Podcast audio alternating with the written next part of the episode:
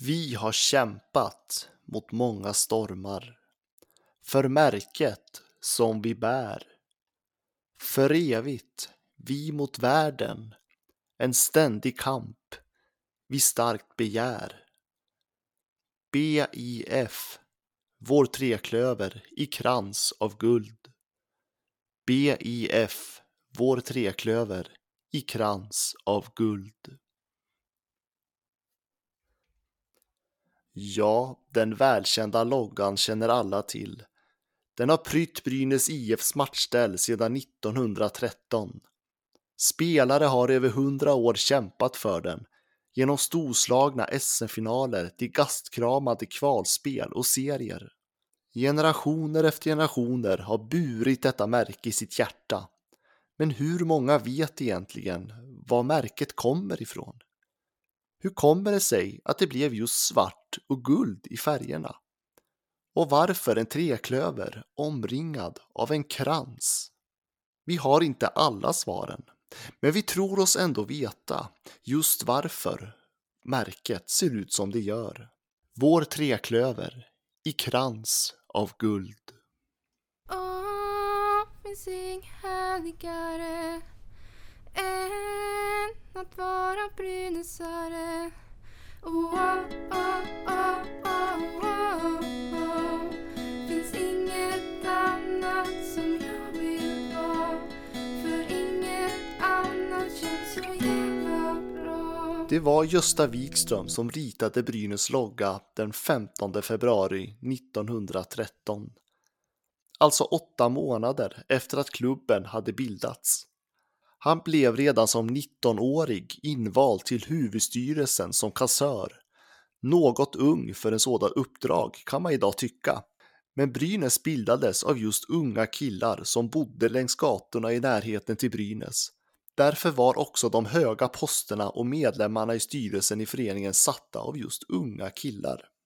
Men Wikström ansågs ha en begåvning vad gällde ekonomi. Att sköta ekonomin på den här tiden var ingen enkel sak. Medlemmarna bestod av väldigt unga arbetargrabbar från trakterna, varför också medlemsavgiften tvingades till att hålla sig på en väldigt låg nivå. Idrotten gav heller inga intäkter i form av reklam och dylikt som den gör idag, och något bidrag från kommunen, det var bara att glömma. Istället fick man ordna event som dans och fester och något lotteri. Bingo blev långt in på 1900-talet en viktig inkomstkälla för Brynäs IF.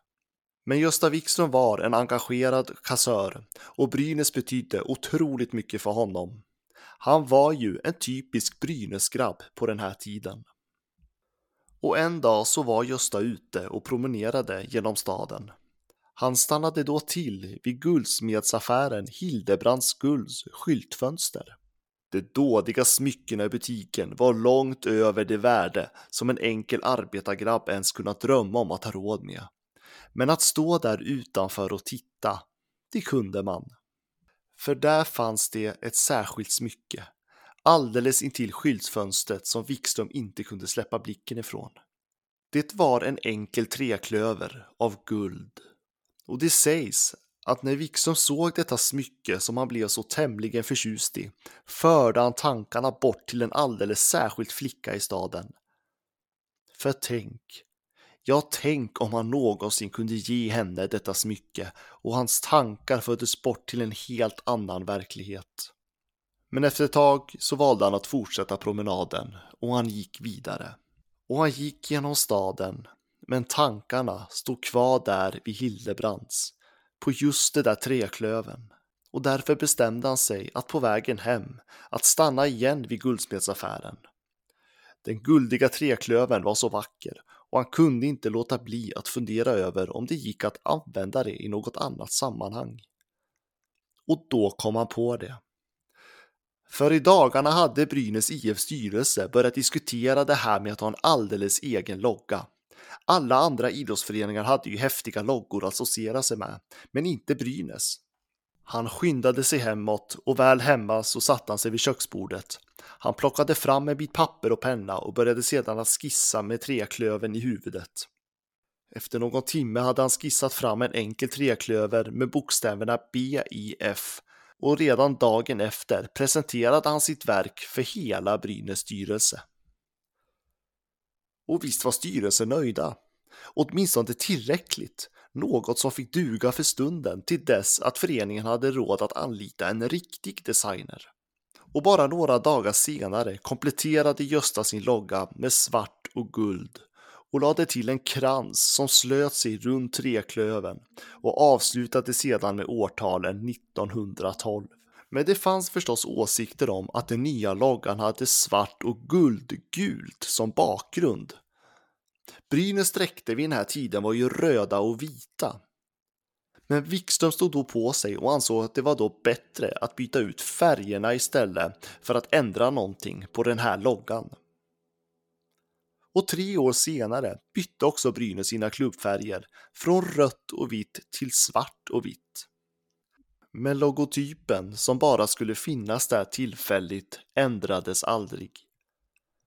Istället har Wikströms märke moderniserats genom åren. Gösta Wikström avled 1984. Han blev 90 år gammal.